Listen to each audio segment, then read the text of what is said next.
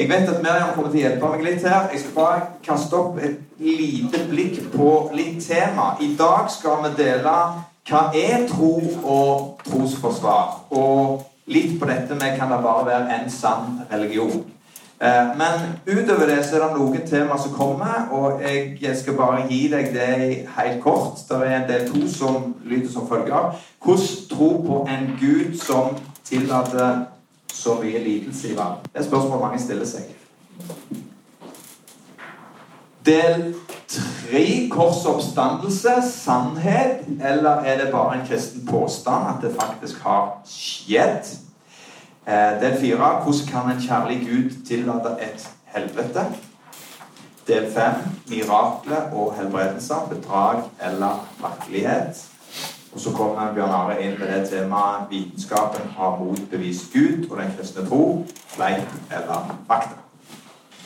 Det betyr altså at valøren eh, denne høsten kanskje blir litt annerledes. For vanligvis har vi gjerne kjørt litt sånn typisk kristne tema eh, og gått inn i Bibelen. De fleste har gjerne en kristen bakgrunn og forståelse. Nå skal vi våge La meg si det på en annen måte. Det blir kanskje ikke fullt så karismatisk for dere som har vært i nærheten av meg, så vet du det blir litt arbeid. Og noen ganger så får folk lyst til å ta paraplyen opp fordi det kommer full med en dusj når det liksom sprøyter så verst mot meg. Men, men eh, jeg skal prøve å eh, posere det kanskje litt annerledes. Og ikke det at det skal bli kjedelig, det er ikke det jeg prøver å selge, for all del. Men jeg kommer til å henstille litt til den tenkende delen av deg. Er det ok? Så det betyr Phil, nå tenker du nå jeg kom feil, for jeg hadde lyst til å bli begeistra. Jeg tror det skal bli det. Men noen ganger våger vi ikke helt å pløye litt dypere, gå inn i utfordringer og problemstillinger som mange mange samtida vår faktisk slåss med. Og som faktisk gjør at vi òg må, må, tenke litt, pløye litt, gå litt dypere i noe. Og, og, få i gang en refleksjon inni oss. Fordi når vi gjør det, blir troen vår dypere. Og eh, jeg er overbevist om at eh, etter disse gangene så kommer du til å ha lært noe som eh, faktisk har gitt deg noe som gjør deg tryggere på troen din. Det er litt av poenget. Men jeg advarer deg litt fordi at eh, det handler litt om at det betyr at du òg må på en måte koble på. Så skal jeg følge litt med. Jeg ser når øynene går i kryss, og det liksom blir en måte bare jeg ser bare at nå trenger vi en pause. Så har vi Bjørk her med god kaffe. Sterke kaffe. Så dette kommer til å gå bra. Men, men, eh, det blir nok litt sånn at du må, må jobbe litt, og det tror jeg vi skal klare godt i sammen. Ellers har jeg lyst til å si, først av alt Jeg har utrolig stor respekt for hver en av dere som har kommet fordi dere faktisk er villige til å sette av tid. Eh, for det er ingen selvfølge. Jeg vet det er mange som hadde hatt lyst til å være der, som av forskjellige årsaker ikke får det til osv. Nå er vi en god gruppe her. Men hver en av dere ofrer faktisk noe for dere kunne brukt disse kveldene med andre ting. Eh, det betyr at eh, det krever noe av meg òg, at vi faktisk har forberedt oss eh, og har noe å gi. Så litt beven for det kjenner jeg faktisk, fordi det handler om at vi skal ha respekt for deres tid. Det andre jeg har lyst til å si, er at det er gjerne noen som har funnet veien inn som vanligvis ikke beveger seg inn i et gudshus. De kan være underveis med troen sin, eller faktisk ikke tro i det hele tatt. Da har vi respekt for der du er. Det tror jeg er viktig for oss. Sånn at vi på en måte gir rom for at folk er i prosesser med sine egne liv og troen sin. Så du er varmt velkommen uansett. Og så det siste jeg skal si om det, er at du skal få lov å være deg sjøl. Det har jeg. Så det betyr altså at uh, om jeg er litt armer veien og på en måte finner på ting, så er, så er jeg bare sånn. Du får liksom fortelle deg det sjøl. Men du skal få lov å være deg, sitte rolig på bussen, skjønner du? Og du trenger ikke, du trenger ikke på en måte forestille deg. Du er deg, og det, det er plass til deg i, i, i, dette huset. Så jeg tror vi skal få lov å oppleve at vi blir en herlig gjeng etter hvert. Men eh, vi er litt forskjellige. Det skal vi faktisk få lov til der. Uavhengig av hvor du er i forhold til troen din, så vil jeg be ei enkel bønn før vi starter. Og så tror vi at eh, vi skal få noe igjen for denne kvelden, så da er vi i gang. Far, jeg, eh, jeg ønsker bare å gi disse kveldene til deg. Eh, og, og be om at du gir oss lys, du som er himmelens og jordens skaper. Jeg ber om at du skal hjelpe oss til å se kanskje for noen av oss med litt nye øyne. ber om at du skal hjelpe oss til å gripe noen dybder i troen vår som vi gjerne aldri før har sett, og som gjør oss tryggere på det fundamentet som du har gitt oss. Jeg ber om at du virkelig skal hjelpe oss til å utvikle oss til å bli modne, men òg mennesker som kan møte samtida vår med svar som de faktisk stiller spørsmål ved. Jeg tror det er mange som er underveis med troen sin, men som lurer på ting som er vanskelig å få til å gå i hop. Jeg ber om at du skal hjelpe oss til å formidle troen enkelt, fundamentalt, men med et sånt lys at de får lov å kjenne at wow, det fins en pappagud som bryr seg, som ser dem, og som lengter etter kontakt med hvert menneske. Så vi ber for disse kveldene og takker deg for at du skal være her med din visdom og hjelpe oss til å se i ditt lys. Amen. All right. Da er vi i gang. Og vi starter faktisk med et skriftsted. Nå er det sånn at eh, du, du, får du får litt i pose og sekk, men jeg syns det er nydelig at du har med deg noe å skrive på og har en penn og alt det der. For det som går gjennom hånda og faktisk ned på et papir, det gjør noe med deg. Jeg har så mange erfaringer på det sjøl at jeg vet det. Så sitter du med en maskin og noterer litt skrifter, sånn, så er det alltid bra. Men om du tenker at du gikk glipp av noe, så skal du i pausen nå, og kanskje vi gjør det neste gang òg, for, for vi har med Sigurd her. Sigurd sitter der. Han er en god mann, vet du. Vi har rett og slett, Jeg skal ikke ta æren for det, men han har utvikla en fantastisk app som gjør at uh, den skal du få eh, om du ikke allerede har den, som heter Ja-appen. Og der ligger alt tilgjengelig, sånn at allerede når du kommer hjem i kveld, så ligger alt det som vi har snakket om i dag, tilgjengelig på den appen. Du bare går inn, så finner du alt der. I tillegg så kommer lydfilene ut der, sånn at du blir vel forsynt. Så kan du dele litt med andre. Og så har du et vell av annen flott undervisning som ligger der, som du får tilgang til. Så det er jo flott. dere. Bare klappe litt for meg. Sant? Jeg så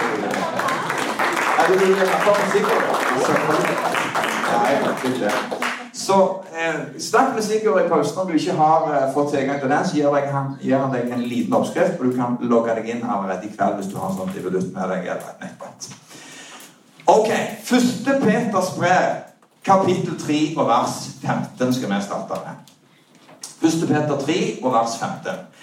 Der står det Vær alltid forberedt på å forsvare eller gjøre forsvar overfor alle som forsøker å holde dere ansvarlig for det håp som fins i dere.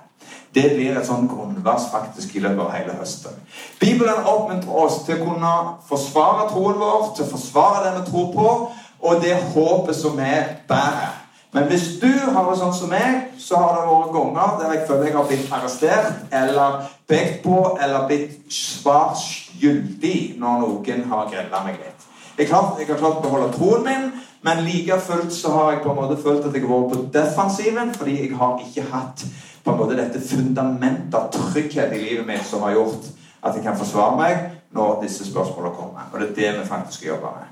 Så det er to begreper som kommer her. Det ene er doktrine. Kristne doktrine. Hva er det? Det er bare for å klargjøre litt. En doktrine handler om det Bibelen faktisk lærer oss. Bibelen har en lære, og den lærer oss noe, og det er de kristne doktrinene. Mens apogeletikk, det som har med tro og tros, trosforsvar å handler om hvordan vi forsvarer det Bibelen lærer. Og der har vi nok tidvis vært litt på gyngende grunn. Og det er der vi skal bruke tid denne høsten. Hvordan kan vi forsvare det Bibelen faktisk lærer? Har du det sånn som meg, så har vi av og til møtt argumentasjon jeg har møtt i min egen kristne reise på folk som på en måte har bare sagt at det står i Bibelen, derfor er det sånn. sant? Men, men det er av og til vanskelig å forholde seg til hvis det ikke følger et forsvar med som er logisk, som er resonnerende og som er fornuftig. Nei, det er bare sånn. er egentlig den litt dårlige argumentasjon. Så vi skal prøve å se litt på det, sånn at vi kan utvikle et vokabular som er noe større enn at Bibelen sier det, og så er det bare sånn. Flere av oss kan også gjerne ha vokst opp med en tro, men uten å ha bevisstgjort seg verken på doktriner eller det som har med apokalytikk å gjøre.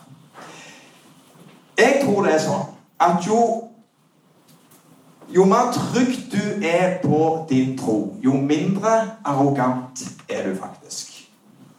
Og du og meg har gode grunner for hva vi tror på, og så kjenner vi svaret på de spørsmålene som folk stiller. Hvis vi faktisk gjør det, så skaper det en trygghet. Og det å lære seg en god måte å forsvare seg sjøl på i forhold til den troen du har, det gjør noe òg med ditt eget liv. Din tro på Gud vokser. Og da sier Efeserne 4, 15 at vi skal Efeserne 4, 15 nå får du ikke smør på veggen her, så nå må du følge med, for alt ligger tilgjengelig allikevel for deg. som jeg har sagt. Men Efeserne 4,15 taler om at vi skal undervise og tale sannhet i kjærlighet. Vi skal tale sannhet i kjærlighet. Tro mot sannheten i kjærlighet. Og hvorfor underviser Bibelen det? Jo, fordi at sannhet kan du slå med, men du kan òg bygge opp med det. Noen av oss har kanskje blitt slått litt med sannheten. Vi har vokst opp på en måte i forskjellige forhold. Det kan være familien din eller pappaen din som på en måte har forsøkt å tvinge noe fornuftig inn i deg. Men, men det kan òg ha skadet oss i noen tilfeller. Og i visse kristne sammenhenger så har han òg gjerne hatt en litt sånn pekefingermentalitet. Og så har det skadet oss litt. Vi har vokst opp med en sånn mentalitet.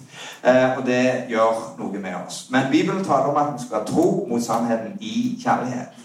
Mange er faktisk de som har mista sin tro pga. en lovisk pekefinger eller krav som de har møtt når de vokste opp. Og Så er spørsmålet er det, er det nødvendig å forsvare troen sin eller det vi tror på. Og det tror jeg. Eh, det tror jeg i aller høyeste grad. Jesus er et fantastisk eksempel på dette. Han henviste jo, Hvis du går inn i Bibelen i Det nye testamentet, så du vil se at han henviste til sine mirakler og mange oppfylte profetier for å bevise hvem han var. Hvis du noterer deg Lukas 24, Lukas 24 og vers 25-27, så står det Så trege dere er til tro, sier Jesus til disiplene sine. Måtte ikke Messias lide, og han begynte å legge ut for dem det som står om seg sjøl i alle skriftene. Så Jesus sjøl på en måte var en apogele, Apogelete... Hjelp meg nå. En, en apo... Apologet. Apologet. Det er helt riktig. Han var absolutt det i sitt vesen. Han brukte tid på å forsvare seg, sånn at faktisk folk kunne forstå ut fra skriftene hvem han var. I Johannes 14, 11 så sier Jesus 'tro meg', om ikke for annet, så tro det for, for selve gjerningenes skyld. Så han henviste til sine mirakler. Går du videre utover i nye testamentet, så vil du se at apostlene brukte Jesu under og oppfyllelsen av profetiene og hans oppstandelse som et bevis på at han var Guds sønn. Du ser et eksempel på det i apostelgjerningene kapittel 2. Eh, der, eh, ja, det er et typisk eksempel når Peter står fram på, på, på, eh, og taler til folket. Og Flere plasser bruker Paulus eksempler fra naturen for, eksempel, for å bevise Guds eksistens. Og så refererer han også til øyenvitnet i forhold til Jesu oppstandelse fra de døde. Så dette ser vi òg i Skriften. Millioner av mennesker tror i vår tid, i dag, oppriktig at Jesus Kristus er Guds sønn. Og de tror at Bibelen gir oss svar på de spørsmål som vi stiller i 2015. Og hvordan skal det ha seg? Jo, Jesus gir tror jeg, et fantastisk svar i Johannes 7,11. For der sier han i Johannes 7,11 på hvorfor det er sånn. Den som vil gjøre hans vilje, sier Jesus der, skal skjønne eller slash kjenne at læren er av Gud, eller om jeg taler bare ut fra meg selv. Det betyr at den som får kontakt med dette budskapet, skal lære å kjenne og smake at dette faktisk er sant. Og Det er der jeg tror dette vitnesbyrdet om Kristus som eksploderer i verden i dag, på en måte er et sterkt bevis for at kristen tro faktisk er noe du kan koble deg på. For så mange millioner mennesker lar seg berøre av Kristus. Det er noen nøkkelvers til som kommer i 1. Korinterne 15 kommer vi litt tilbake til senere utover i serien. 1. Korinterne 15 og vers 3-8. første kor 15, 3-8. Der vil du se at Paulus går inn, og så begynner han å undervise og snakke om at eh, Jesus viste seg først for Peter. Så viste han seg for de tolv, og siden for, de, eh, siden for en folkegruppe på over 500, sier han. Og så til slutt for meg. Og Da henviser han til den opplevelsen han hadde på veien til Damaskus når han fikk oppleve at Jesus kom. Så han bruker på en måte helt bevisst at Jesus har åpenbart seg sjøl etter han var oppstanden, for mange. Og De første, første kristne brukte i stor grad argumentasjon for å bevise sin tro. Og så stolte de på at eh, de hadde fått Den hellige ånd, at han ville bruke deres argument og bevis for å føre mennesket til den samme troen på Jesus Kristus. Eh, hvis du vil grave litt dypere Vi skal hive opp noe i pausen her. For det er masse bøker som du kan gå inn i hvis du vil studere det med tro og trosforsvar. Noe mer enn det du får her. Eh, men det er to forfattere i dag som er mye brukt. Han ene het, het, het, het eh, Peter Kreft. Han er egentlig eh, katolikk, men han er en glimrende retoriker en god trosforsvarer. Og han andre, som jeg liker godt, heter Ravi Sakarias. Og Hvis du går inn på YouTube og studerer deres navn, så vil du se at de gjør akkurat det samme. De går grundig inn i ting, og så beviser de eh, på en måte både ut ifra Skriften og ut ifra logisk argumentasjon på at den kristne troa faktisk har noe for seg. Så det fins folk der ute som kan hjelpe deg med god argumentasjon. Og Av den grunn tenker jeg, så er det av stor betydning det vi skal gjøre denne høsten. Faktisk å bli trent i tro og trosforsvar. Det å ta troa si på alvor, det tror jeg er viktig.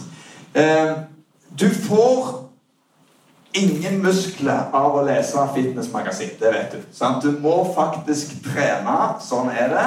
Og kun ideer, inspirasjon, kan du få fra en del blader og ting du leser. Men du må praktisere. Da kommer musklene. Og det trenger vi øve oss på.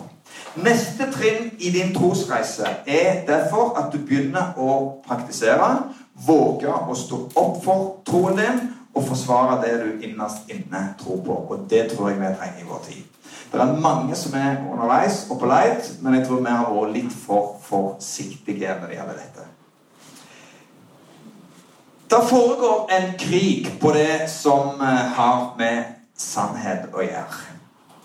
Eh, jeg tror at mange krefter forsøker å utradere kristen tro som en forrang framfor andre i vårt eget land, og ikke minst i, i, i eh, den vestlige verden og Europa. Jeg var på et seminar med Per Eivind i sentrum her for en tid siden i sommer. og Han har helt rett. Han sa noe om at for 100 år siden i Norge nå, så ville majoriteten av de som vokste opp, ta troen på Gud som en selvfølge. Det var det som ville skjedd for 100 år siden. Majoriteten bekjente seg til den kristne tro, og mennesket ble dratt i en retning pga. kulturen og konteksten de vokste opp i. For de vokste opp i en sånn sammenheng. I dag lever vi i en sekularisert virkelighet der faktisk det er helt motsatte krefter som virker. Vi er marginalisert, hvis vi våger å være ærlige.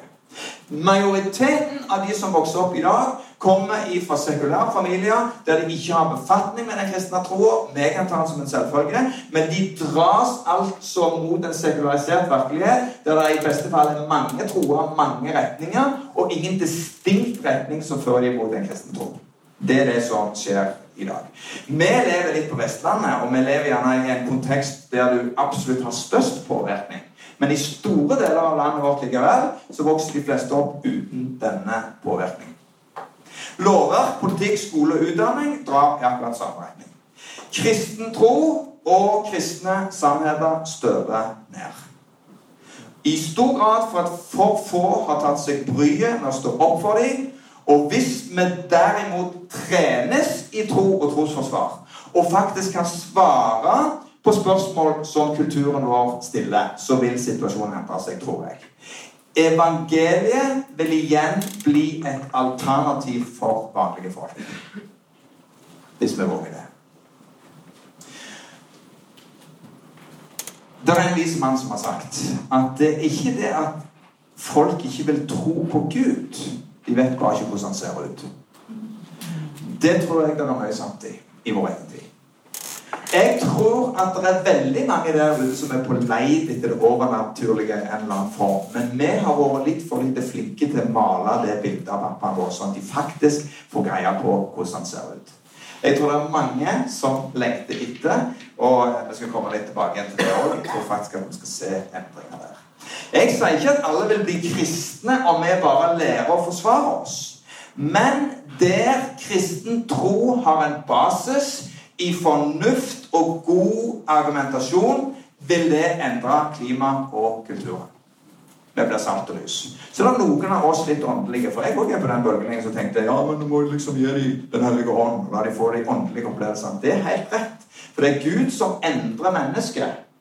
Men vi har en tendens til på en måte bare å kappe av halvparten og si at det bare handler om det, og så overlater vi argumentasjon og logikken til på en måte tenkere som gjerne ikke har en kristen basis. Men jeg tror på begge deler. Jeg tror at vi trenger Den hellige ånd, et åndens vær, en åndens berøring. Men vi trenger òg kristne apologeter som er tydelige, og som kan sin troshistorie, og som har utvikla en evne til å kunne argumentere logisk for at det er smart å tro på Gud. Det tror jeg For hvis du klarer begge deler, så har du en helt annen troverdighet når du står fram. Og vi overlater i dag òg en arena i Kristen-Norge til en del som er utrolig sterke på en del ting, men som jeg av og til skjemmes litt av. hvis jeg skal være helt ærlig. Ikke gå i detalj på ting. Men det foregår ting både på Facebook og fra forskjellige miljøer som, som blir på en måte så ekstreme i sin form, fordi det er veldig mye argumentasjon som på en måte blir litt sånn Vi sitter stilt i båten, for vi våger ikke helt. Men jeg tror vi må våge å bevege oss ut i sunnhet og en balanse som gjør at faktisk folk skjønner at vi tenker, og at vi har god argumentasjon på det vi holder på med. For ellers vil folk kjenne at hva holder de kristne egentlig på med? Ok. Vet du hva? Bibelen kaller oss for salt og lys i Matteus 5,13. Det er et sterkt vers. Matteus 5,13. Der sier Jesus dere er jordens salt. Hvis vi er jordens salt, så står det på engelsk 'flavor'. og Det er oversatt fra et uh, gresk ord uten at jeg har på en måte skrevet det ned nå. Men det kommer av at det har noe med at vi påvirker positivt. At flavor er noe som setter smak til noe. sant? Så hvis du skal ha smakstilsetning til maten din, så er det for at du skal få god smak. Og det er vår hovedfunksjon å sette smak. Så vi er flavor. Vi er salt, og så er vi lys, og lyset er alltid kobla til visdom hvis du begynner å studere Guds ord. Og det vil du se at eh, meg og deg er kalt vel visdommen som hjelper folk å se tydelig. Og så er vi denne flavoren, denne smakstilsetningen, som gjør at folk kjenner at det er attraktivt å tro på Gud. Mens vi har i stor grad blitt stigmatisert fordi at vi oppleves kontroversielle og jeg sier ikke at det å tro på Gud ikke er det. For når du er i berøring med Den hellige ånd, så kan ting skje som gjør at uh, hvem som helst kan liksom lure. Sant? For Den hellige ånd tar ikke så mye hensyn. Hvis du ser på pinsedagen, 3000 frelst på en dag, det kommer torden og brak. sant? Og det var ikke alt vi kunne forklare. Den biten av Gud vil du alltid ha. Men du trenger òg de som står fram som Peter og forklarer hva som skjedde. Trekker de historiske linjene og har et overblikk, sånn at meg og deg kan faktisk knytte dette til en troverdighet. Ok? Det er kjempeviktig. Fordelen med trosforsvar i ditt liv er mange. Oppleve hvorfor du tror, men også hva du tror på, vil gi deg sjøltillit. Solide argument for hva du tror på, gir deg òg frimodighet. For om du er trygg på svarene, så er spørsmål mindre farlige. Ikke om du har merka deg det. Hvis du trykker på noe, så er spørsmål mindre farlige. Og så har jeg skrevet eller om du er trygg på å kjenne Han som er svaret, kan du være rolig og trygg selv om du ikke alltid kan svare.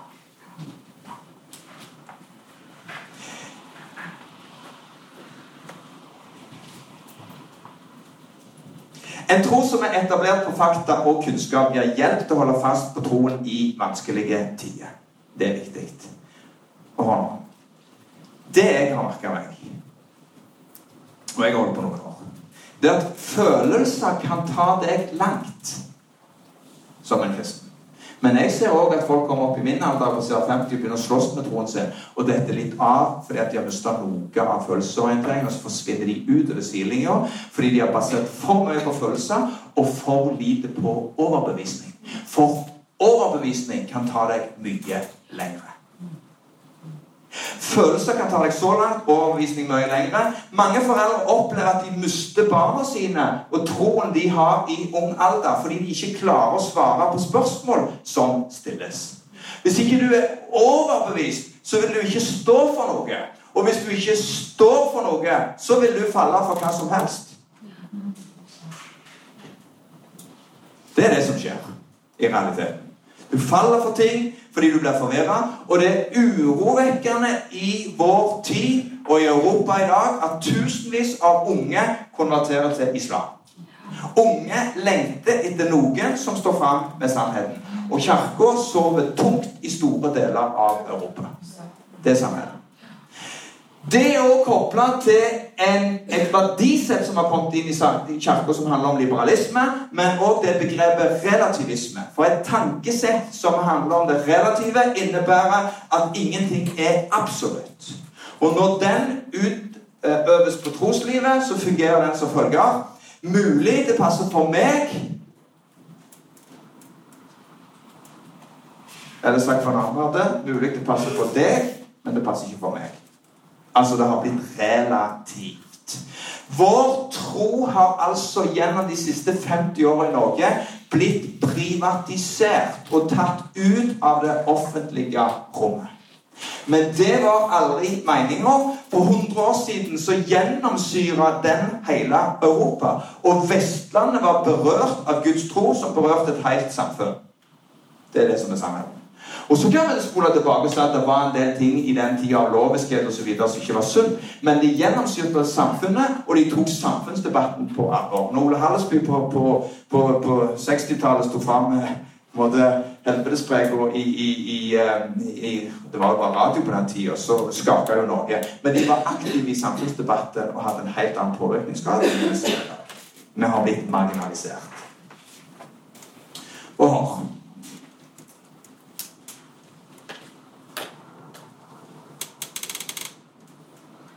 sier litt reklame der, faktisk. Og det kommer jeg ikke til å gjøre hver gang. Men hvis du har lyst til å få et glitrende godt foredrag på hvordan Vestlandet så ut for 100-150 år siden, der det brant i Stavanger, hele indremisjonsbevegelsen ble født fram i deler av Vestlandet, så skal du komme og svinge innom oss i Elveosen førstkommende søndag 18.00. For da får vi besøk av Runa Lambo fra Fredheim. Han er en glitrende retoriker på akkurat dette, og kanskje den i Norge som har best peiling på vår egen troshistorie, og det som handler om vekkelseshistorien i vår region. 18.00 Norge søndag. Det er faktisk utrolig bra, for jeg har hørt ham på det, så jeg har invitert han spesifikt for å kjøre det evnet. Det har skjedd før. Er det hans evne? Det kan skje igjen. Hør. Våre barn trenger mer enn ei kirke som gir dem gode følelser. Uten trening i trosforsvar så vil flere falle ifra. De kommer til kort og jeg får sånne spørsmål. De kommer til kort på høyskolene våre når de grilles for sin tro. Og så sender vi de ubevæpna i hendene på professorer som plukker troen ifra hverandre. De får en utfordring når de er i den virkeligheten. Derfor så må din tro ikke bare baseres på følelser, men på sannhet. Det er en sannhet som er basert på tidløse bevis og logisk tenking. Og der må vi begynne å grave igjen. For hvis ikke så vil vi være preget av en kultur som er preget av overfladiskhet og inn i våre kristne rekker. Gode svar gjør nemlig noe med deg i forhold til Guds eksistens, i forhold til det ondes problem, i forhold til moralsk vanskelige spørsmål. Så endres du og meg på dypet. Du kan ikke bygge ditt liv på Se og Hør. Du kan ikke det. Men det er flere som gjør det. Så ikke det er det eneste de leser. Men jeg sier at hvis det er liksom det som danner grunnlaget, så blir det syltynt. Og det er der Jesus utfordrer oss ganske kraftig. Han snakker om dette i Matteus 7. Bygg ditt hus på fjell. Da blir det stående når stormen kommer. Det er det som er hensikten med denne høsten. Tro og tvil, da. Hva gjør vi med det? Jo, din tro har godt av og til av å slåss med din vantro. Din tro vokser seg ikke sterk om du bare har arve den. Om du derimot har arbeidet hardt og lenge for å komme fram til en overbevisning, så styrker det deg. Du blir tryggere, mer respektfull over de, over de som ennå tviler. Jeg hadde en sånn troskrise i mitt eget liv på begynnelsen av 90-tallet når jeg fikk det smell i sykepleien. Noen har hørt den historien, jeg skal ikke dra nå, men det gjorde noe med meg. For jeg hadde bygd min identitet på hva folk sa meg, og det var i stor grad 'Lunden fikser alt'. Men når jeg kom til det punktet at jeg ikke fiksa noen ting, så rakna mye av min identitet. Og jeg måtte bruke ett år på å grave fram igjen hvem jeg er hvor er jeg på vei, har Gud en plan for mitt liv, og hva tror jeg egentlig på? Og det redda mitt liv. For at jeg måtte begynne å jobbe personlig med min egen tro. Det er så viktig.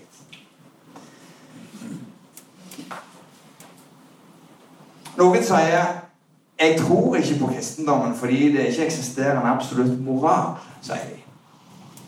Men det er i høyeste grad et utsagn i tro, tenker jeg. Det hviler på en overbevisning om at alle sjøl kan velge sin egen moral, moralske vei uten konsekvenser. Men det fins ingen empiriske bevis for en sånn påstand. Det fins ingen datainnsamling som kan på en måte betrygge deg og si at det er sånn det er. Det er en oppfatning i tidsånden, det er noe helt annet. Men jeg er ikke interessert i å bruke tid på å finne ut om det fins en Gud. Men er det sikkert at du ikke kan holdes ansvarlig for livet ditt fordi om du ikke tror på Gud? Det kan være sant, men det kan være usant, og du òg lever i tro. Hvis du følger rekka. Jeg jeg kommer til å utfordre intellektet ditt. Du må kjenne ham, og tenke litt.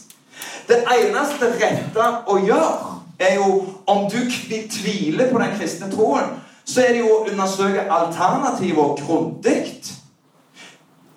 En grunn har jeg til å forkaste den kristne troen?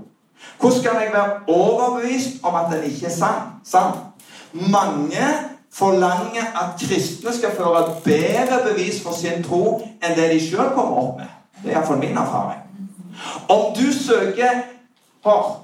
Om du søker like sterke bevis på det du bygger din tro på, som du forventer av kristne for hva de tror på, så vil du oppdage at din tro ikke er så solid som du har trodd.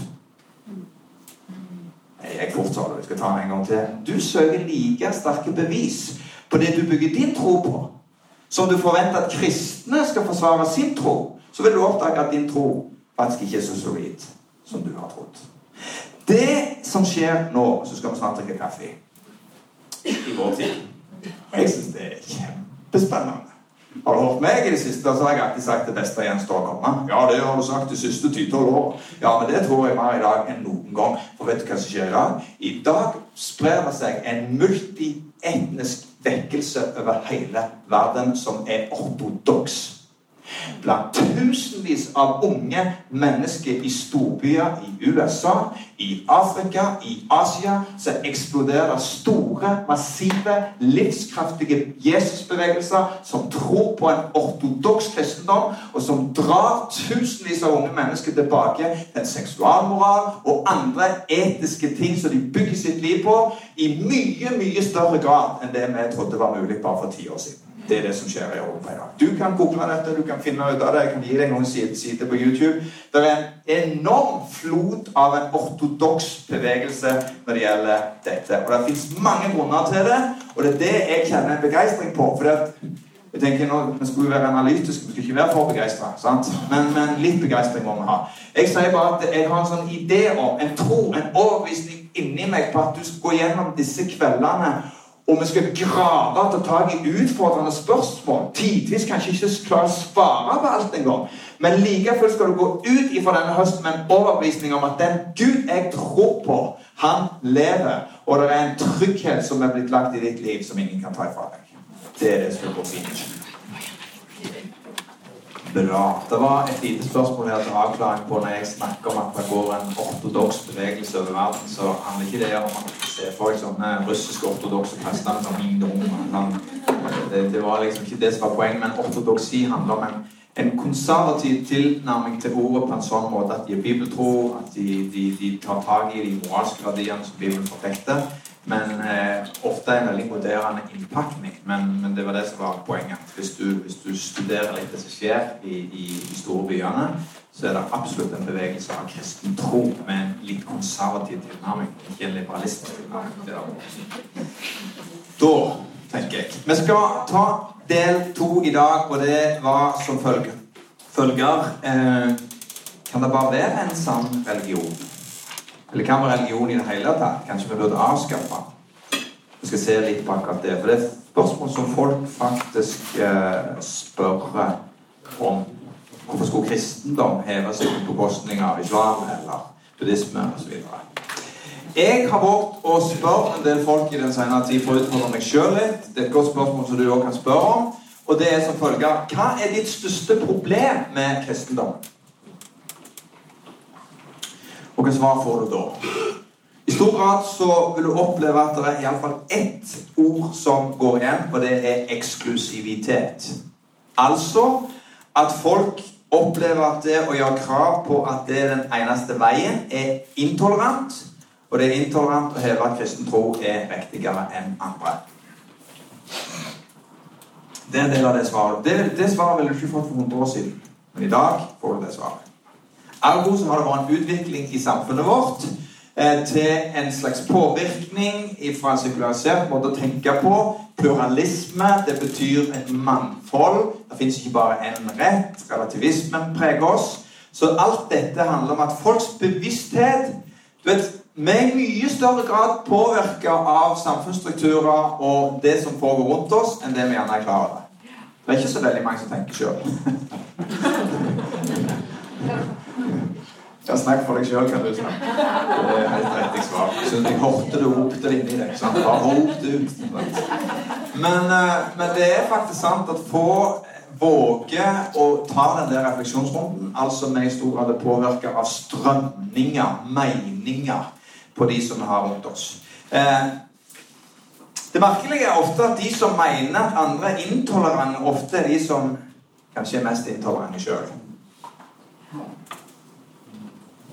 Det er bare å følge den politiske debatten, så vil du få en del refleksjoner rundt det. Jeg har ikke tid til å dra den veien. Den store utfordringen mellom verdensreligionene er ofte knytta til synet på Jesus Kristus. Er han bare en stor profet, eller er han virkelig Gud? Det er spørsmålet. Og en kan si som følger Den ene rette tro eller vei kan føre til at grupper opplever seg bedre enn andre. Og så skapes det skillelinjer mellom de rene og ureine. Det kan det òg innenfor kristenheten. sant? Og det har i mange tilfeller ført til forfølgelse og undertrykkelse. Kanskje det er noe av det klareste eksempelet vi ser i dag, er det som skjer innenfor IS. Eh, den ene store forskjellen som like fullt er synlig, er synet på menneskehetens ukrenkelige verdi og nåden har en særstilling i den kristne tro. Hvis du våger å studere verdensreligionene, så vil du se det ganske tydelig. Det jeg like fullt ønsker å stoppe litt med, det er tre ting nå før vi gir oss i kveld. Og det er dette som har med måter Eller hvordan religion opererer i verden. Eh, og, og, og den første er måter å stoppe eller kontrollere religion på. For det, det angriper en kanskje litt forskjellig. Måte å stoppe og kontrollere religion på Punkt én er å faktisk gjøre den ulovlig. Altså Det skal være ulovlig å utøve sin religiøse tro. Eh, vi kan forsøke å kontrollere kvelene. Sovjet for eksempel, har forsøkt på det. Kina forsøker ennå på det. Kambodsja har gjort det i stor grad. Men resultatet er i stor grad alltid like dårlig. Og så er det et paradoks i det 20. århundret at den største intoleranse og utøvelse av vold denne verden har sett, eh, faktisk er utført av ateistiske regimer som mener at religion har ansvaret for alt som er galt i verden. Det er en intoleranse der som er helt enorm hvis du våger å se på det. Så knytta til det punktet så kan det gjerne være noen som håper på at religiøs tro vil dø ut av seg sjøl. Men sannheten er at det er motsatt som skjer i verden i dag. Verdensreligionene vokser. Islam vokser også hurtig. Bare, men når det gjelder den kristne tro, så vil du se at bare i Nigeria så er det nå seks ganger flere anglikanere enn i hele USA.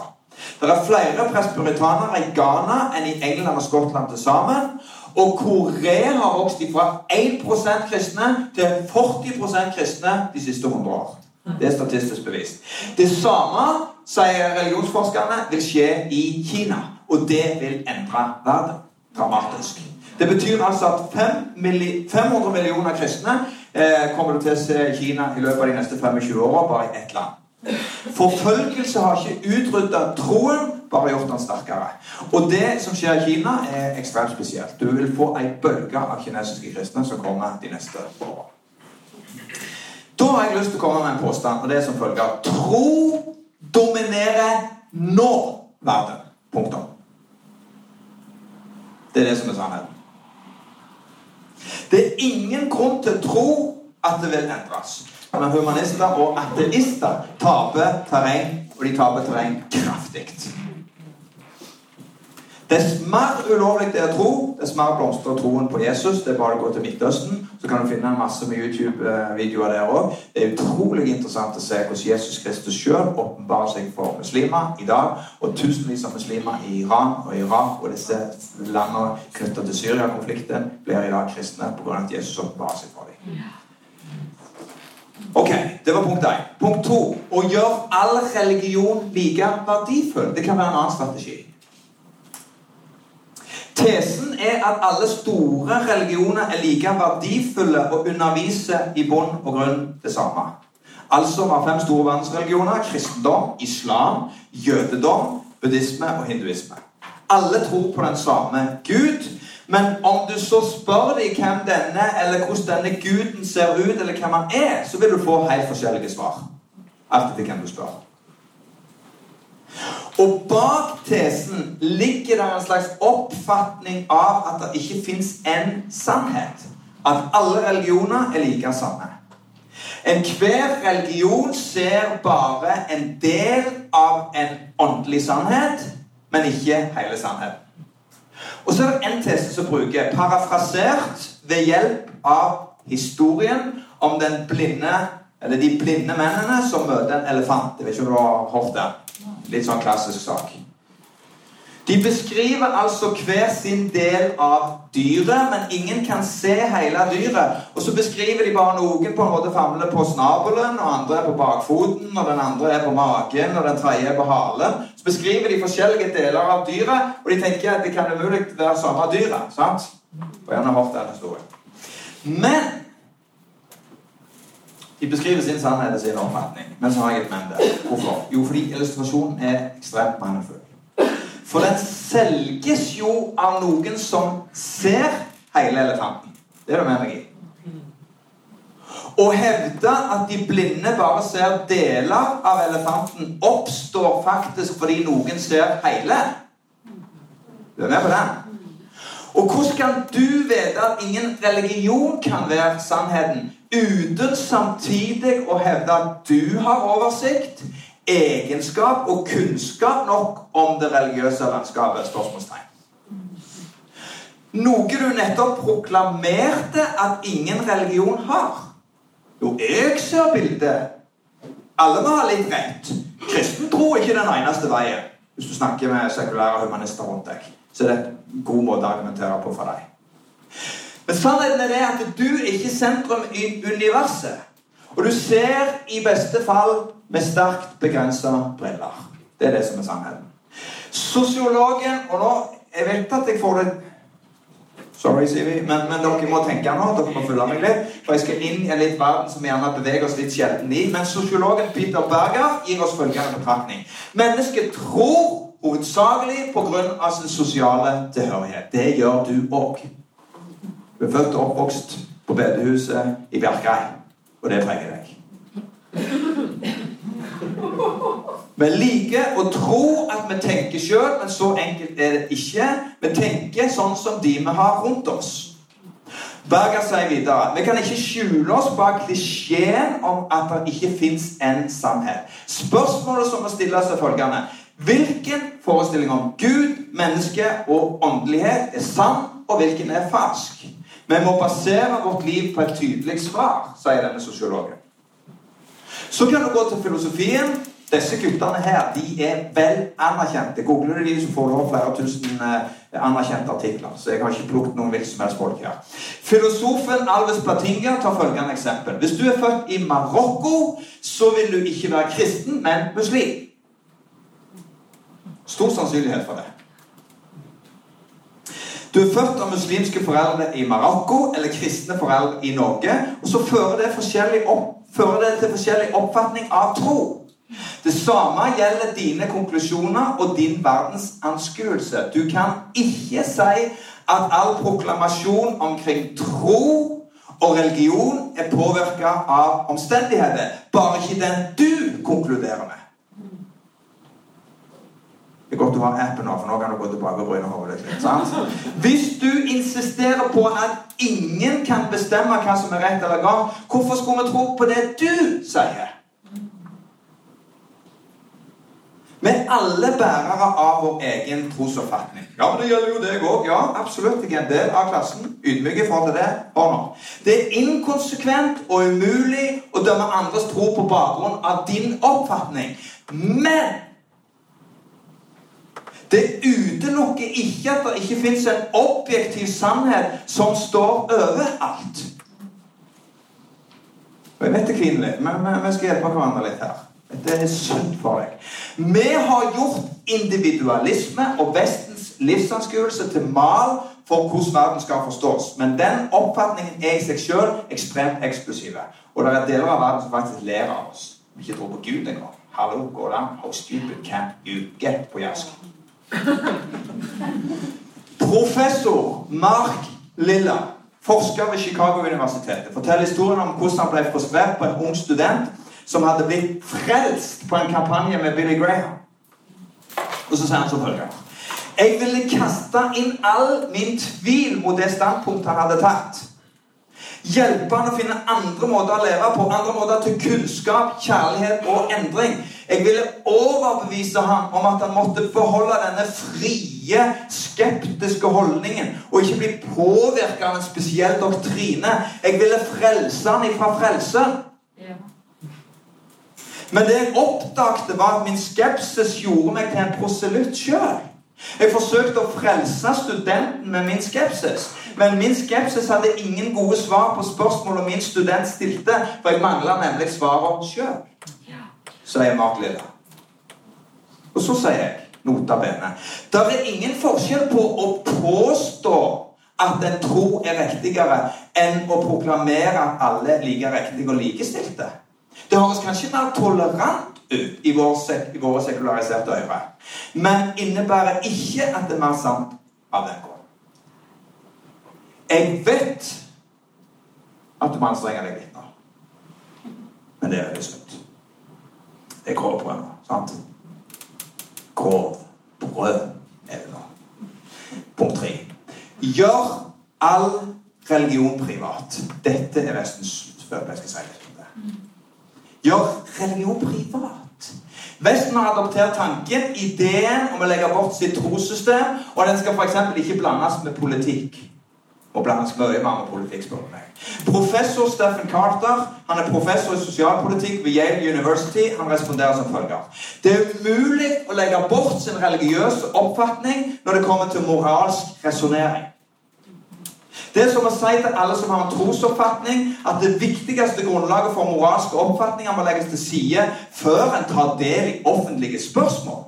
Du kan ikke legge til side noe av det som betyr mest for deg. Og Det er derfor vi må inn i samfunnsdebatten. Men vi må ha inn de folka som faktisk kan debattere. Og som har på en måte en trosgrunnlag som de er trygge på, og som har en overbevisningsevne fordi de er intellektuelt samtidig samtida på en god måte. Vi må få fram de apologetene som faktisk kan denne delen av historien. Hvis du spoler 250 år tilbake i tida i Norge, så ble Norge forandra en mann som møtte sin Gud på et jorde i tunet i Østfold. Og hans liv ble en reise i tro og trosforsvar som helt til i våre dager har satt sitt preg på Norge. Hans navn er Hans Nilsen Hauge. Å insistere på at religion og tro er ødeleggende, er feil. Nå. De fleste statement av betydning i verden har en religiøs bakgrunn. Studer framveksten, og jeg har gjort det, av helse og utdanning i Europa, og tallmaterialet er entydig. Den kristne tro gjennomsyrer de fleste initiativ. Hele vår vestlige kultur og USA er grunnlagt på denne tesen om den frie viljen, om en Gud som har et menneskesyn som gir alle muligheter og ekspansjon til å lykkes i livet, der det skal tas hensyn til de etiske refleksjonene som Bibelen bygger på, og alt det har gjort at Vesten har eksplodert i velstand og framgang. Hvis du snakker med ei dame når du kommer til himmelen en dag som heter Florence Nightingale, så var det det som grunnla hele den moderne sykepleierhistorien, for å ta ett eksempel. Det er svære universitet i hele Vesten som er grunnlagt på kristen tro, fordi det var det beste fundamentet. All vår velstand er bygd på mye av disse tesene. Og så er følgende Survival of the fittest. Forestill deg følgende utsagn fra Mr. A. Alle sikkerhetsnett for de fattige skulle fjernes i navnet til 'survival of the fittest'. De fleste ville holdt fast på det skjedde jo i Norge hvis du går tilbake til middelalderen. så etter de gamle ut i skogen. De fleste ville holdt fast på at det er fattige mennesker, og at de har den samme verdi og like rettigheter som oss. De fleste vil i etiske saker konkludere med at mennesker har en større verdi enn trær og dyr, selv om vi ikke kan bevise det. Det er dermed basert på en religiøs antakelse. Og så kommer jeg mer tilbake til damen og den gjengen hans etter hvert. Skal jeg si noe om kristendom før vi gjør oss i dag? Kristen kan forklare bedre enn alle andre religioner det som foregår i menneskets hjerte. Den har en grunnleggende respekt for mennesket. Jesus sjøl påpekte at ikke-troende ville bli velsigna av de som tror. Det er bare å lese bakprekken i Matteus kapittel 5. Store deler av lovgivningen vår faktisk baseres på Jesu tale. Bibelen holder fram at alle mennesker er skapt i Guds bilde. I første Mosebok, kapittel 1, vers 27-28. Med unik verdi. Med potensial til godhet og visdom. Men hør. Kristendommen aksepterer av den grunn at ikke-troende òg har i seg muligheter. Den bibelske forståelse av synd innebærer òg et syn som holder kristne ydmyke for egne feil og øker forståelsen av andre. Og det er grunnlagt på tesen om at respekt og menneskeverd er helt sentralt plassert i Bibelens undervisning om mennesket. Og det er viktig. Som kristne kan vi finne der vi ikke-troende som er bedre, visere og mer vennlige enn oss sjøl. Fordi kristne ikke mottar frelse som en belønning, men som en gave. Det gjør at ingen kan rose seg foran andre. Fundamentalisme i alle former leder til å se ned på, og så leder det ytterste konsekvens til vold. Kristen tro leder til det motsatte, til respekt og kjærlighet til de som er annerledes. Har du tatt deg bryet med å lese deg opp på de forskjellige religionene, hva de står for? Neppe. De fleste av dere har ikke gjort det.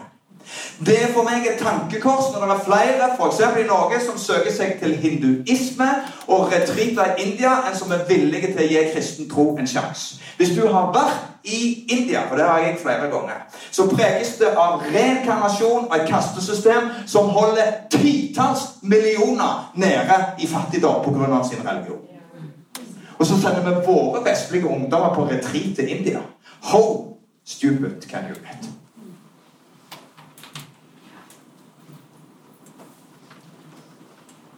Og vi skal ikke bli arrogante i vår bevisførsel, men vi må våge å spørre oss sjøl hva bygger jeg og deg vår tro på? Det fins så gode bevis på at den kristne troen som du har fått lagt som et fundament i livet, er noe mer enn bare en god følelse, men du kan bygge ditt liv på det, og du kan bygge en saklig argumentasjon som kan hjelpe tusenvis av mennesker til å komme til den samme beslutningen. Der har Kirka i Norge feila.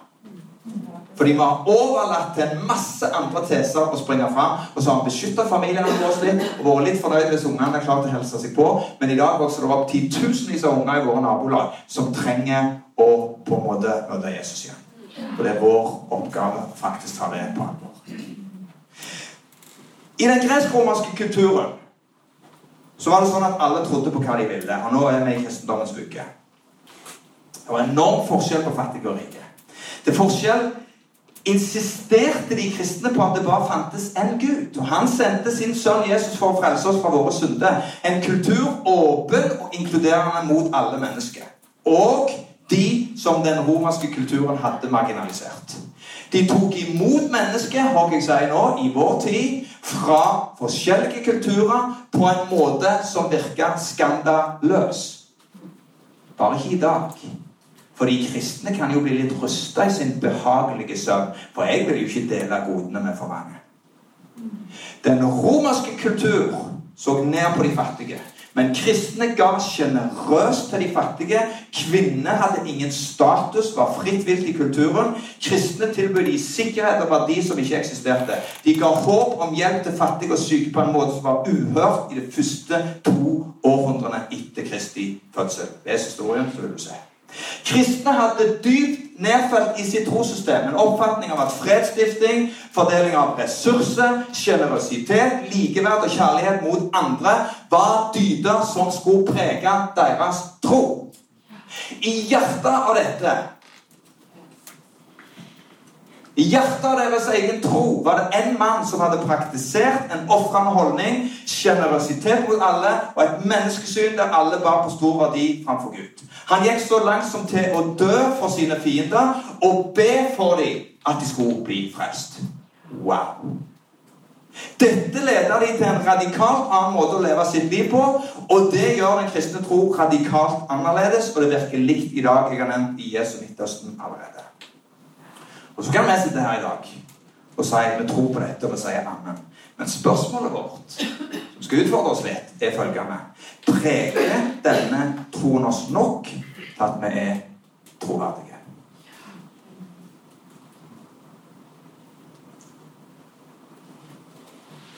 Så kan ikke vi overse at det har blitt utøvd vold og urett i kirka sitt navn opp gjennom århundrene, men det er ingen tvil om at kristen tro har utøvd dyp påvirkning på nasjoner og kontinent. Og millioner av mennesker har fått sine liv endra og vandra rundt som bevis på at Gud åpenbarte seg i denne boka som heter Bibelen. Dette som jeg har delt i dag, er starten på en reise vi skal gjøre i høst.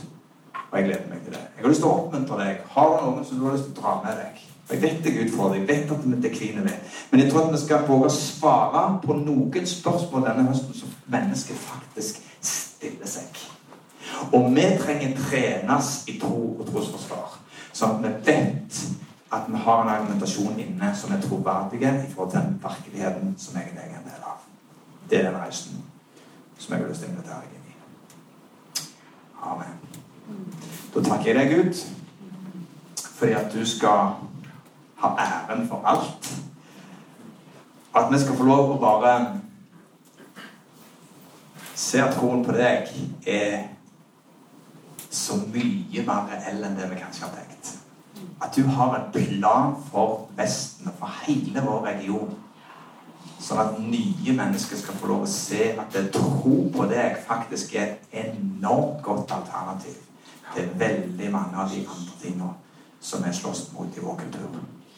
For jeg ber om at du skal hjelpe oss til å våkne i våre liv, sånn at vi tar troen, trosforsvaret vårt, på alvor.